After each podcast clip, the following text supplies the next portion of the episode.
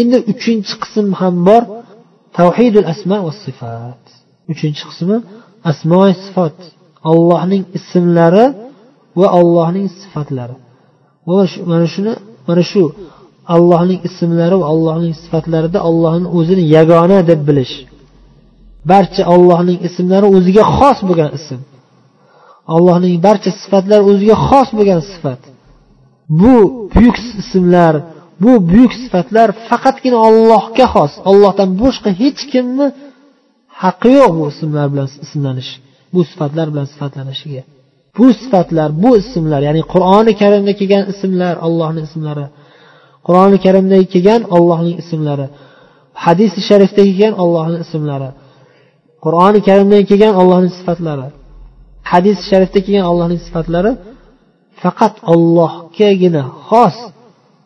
Deb allohni shu ism sifatlarida yagona deb bilish va shu yagona deb e'tiqod qilish. Bu tavhid asl sifat deb aytiladi. Buni alohida ta'kidlanishini sababi qisqacha aytganda tarixda mana shu narsani inkor qilgan islom davo qiladigan va hatto musulmon deb ayta olamiz adashgan toifalar chiqqan. Musulmon deymizku lekin adashgan toifa zalolat yo'liga kirib ketishgan chunki rasululloh sollallohu alayhi vasallam hadisda xabar bergan toifalarning aksariyati mana shu nuqtada adashgan. Rasululloh xabar bergan hadis bitta hadisda emas ko'pdan ko'p hadisda adashadigan toifalarni aytganlar adashib islom sunnat yo'lidan chiqib ketadigan toifalar chiqishini aytganlar ko'pdan ko'p hadislarda ta'kidlaganlar. Shulardan biri yetmish uch firqaga bo'linishligi haqida kelgan hadis. Yahudlar yetmish bir firqaga bo'lingan edi. Nasorolar yetmish ikki firqaga bo'linib ketgan edi. Mening ummatim yetmish uch firqaga bo'linib ketadi. Hammasi do'zaxda bittasi salomat najot topadi deganlar. O'shanda sahobiy ikromlar qaysi o'sha najot topadigan firqani ayting bizga ey rasululloh qaysi u firqa? deganda javob qildilarki ma ana alayhi ashabi. Bugungi kunda men va mening sahobalarim qaysi yo'lda yurgan bo'lsa ana shu yo'ldan yuradigan toifa dedilar. Asosiy adashgan toifalar asmo sifatda adashib ketgan. Asma va sifat ya'ni allohni ismlari allohni sifatlari masalasida jahmiyalar va jahmiyalardan bo'linib bo'linib bo'linib ketgan jahmiychalar jahmiya deganda ikkita masala eng katta zar fitna eng katta zalolat mana shu jahmiy toifasidan chiqqan jahmiya deyiladi. Bular ikkita masalada juda katta zalolat paydo qilgan. Birinchisi iymon masalasi ikkinchisi asmo sifat masalasi. Jahmiyalar iymon masalasida ma'rifat o'zi bo'lsa bo'ldi deb qo'ygan ya'ni hatto tili bilan la ilaha illalloh muhammad rasululloh demasa ham qalbidan shuni bilib qo'ysa bo'ldi gapirmasa ham namoz o'qimasa ham shu umumiy musulmon hisoblanaveradi degan kufr so'zini paydo qilgan. Jahmiyalar va shuni oqibatida bu bidatni oqibatida turli xil bidatlar turli xil fikrlar botil botil fikrlar paydo bo'la boshlagan. Ikkinchi eng katta fitnasi asmo sifatda allohni ismlari sifatlari yo'q deb bidat to'qib chiqargan va buni oqibatida juda ko'p yana firqalar bo'linishlar paydo bo'lgan. Asmo sifatda adashishga sabab bo'lgan ko'p firqalarni shu sohada shu masalada shu nuqtada adashib ketishga sabab bo'lgan nuqtalardan biri faylasuflar falsafachilar.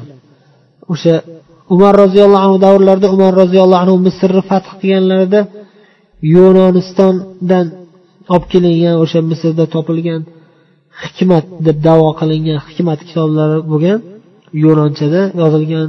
O'shalarni tarjima qilamiz.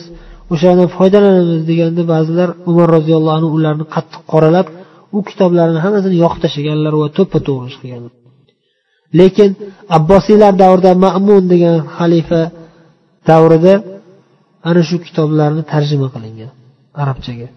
Baytul hikma deb turib hikmat uyi deb turib bitta ilmiy bir tashkilot paydo qilib hukumat o'zi o'sha xalifalikni boshqargan ma'mun o'zi shu narsani qo'llab quvvatlab fasodni kengaytirgan. O'zi u aslida bundan oldin boshlangan yunonni falsafalarini o'qib o'shandan ta'sirlanib o'sha o'shalarning fikrini musulmonlarni ichiga kirgizib tarqatib boshlab jahmiyalardan ta'sirlangan mutazila toifasini boshliqlari o'sha boshda paydo qilganlar o'zicha kallasini ishlataman deb o'zicha aqlini ishlatib qur'on hadislardan o'zini aqlini ustun qo'yib shu faylasuflar yozgan narsalarni o'qib o'shandan zaharlanib o'shalarni ta'sirida ko'p bidatlarni paydo qilgan va asosiy masala shu asmo sifat bilan iymon masalasida ham lekin ularni iymon masalasidagi zarari murjiyalarni darajasicha zarar qilmaganku. Ammo lekin asmo sifat bilan qadar masalasida juda katta fitna qo'zg'ashgan.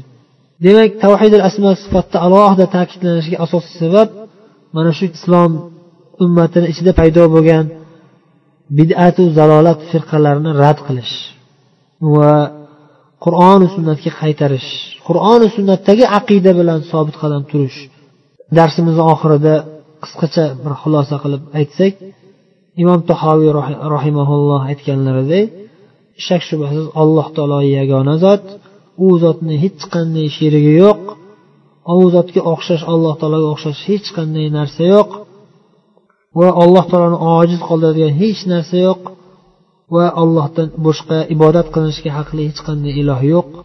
Buning xulosasi tavhid alloh taoloning tavhidi yagonaligi. Alloh taoloning yagonaligini biz yaxshiroq tushunishimiz uchun o'sha ulamolar aytganday birinchi darajada alloh taolo yaratuvchi rizq beruvchi butun koinotni boshqarib turuvchi yagona parvardigor deb iymon keltiramiz. Va mana shu iymonimizni taqozosini amalda yagona ollohni o'zigagina ibodat qilish bilan alloh taoloni o'zigagina sig'inish bilan barcha barcha ibodatning turlarini faqatgina alloh taoloni o'zigagina bajarish bilan tavhidul ulug'iyani amalga oshiramiz. Yagona ollohning o'zigagina sig'inamiz. Va islom tarixida turli xil bidlatlarni paydo qilgan toifalardan firqalardan uzoq bo'lib ulardan salomat bo'lishimiz uchun alloh taoloning ism sifatlariga iymon keltiramiz. Alloh taoloning qur'oni karimda hadisi sharifda kelgan barcha ismlari allohning o'ziga xos va alloh taoloning qur'oni karimda hadis sharifda kelgan barcha sifatlari allohning o'ziga xos sifatlar ularning kayfiyatini shaklini biz bilmaymiz va tasavvur ham qilolmaymiz. Tasavvur qilishimiz ham mumkin emas. Ammo lekin qur'onu hadisda qanday kelgan bo'lsa olloh o'zini qur'onda qanday sifatlagan bo'lsa allohning elchisi rasululloh muhammad sallallohu alayhi vasallam ollohni hadisi shariflarida ollohni qanday sifatlagan bo'lsalar ana shunday deb iymon keltiramiz. Bugun shu bilan kifoyalanamiz. Subhanakallohumma bihamdik. نشهد أن لا إله إلا أنت نستغفرك ونتوب إليك. السلام عليكم ورحمة الله وبركاته.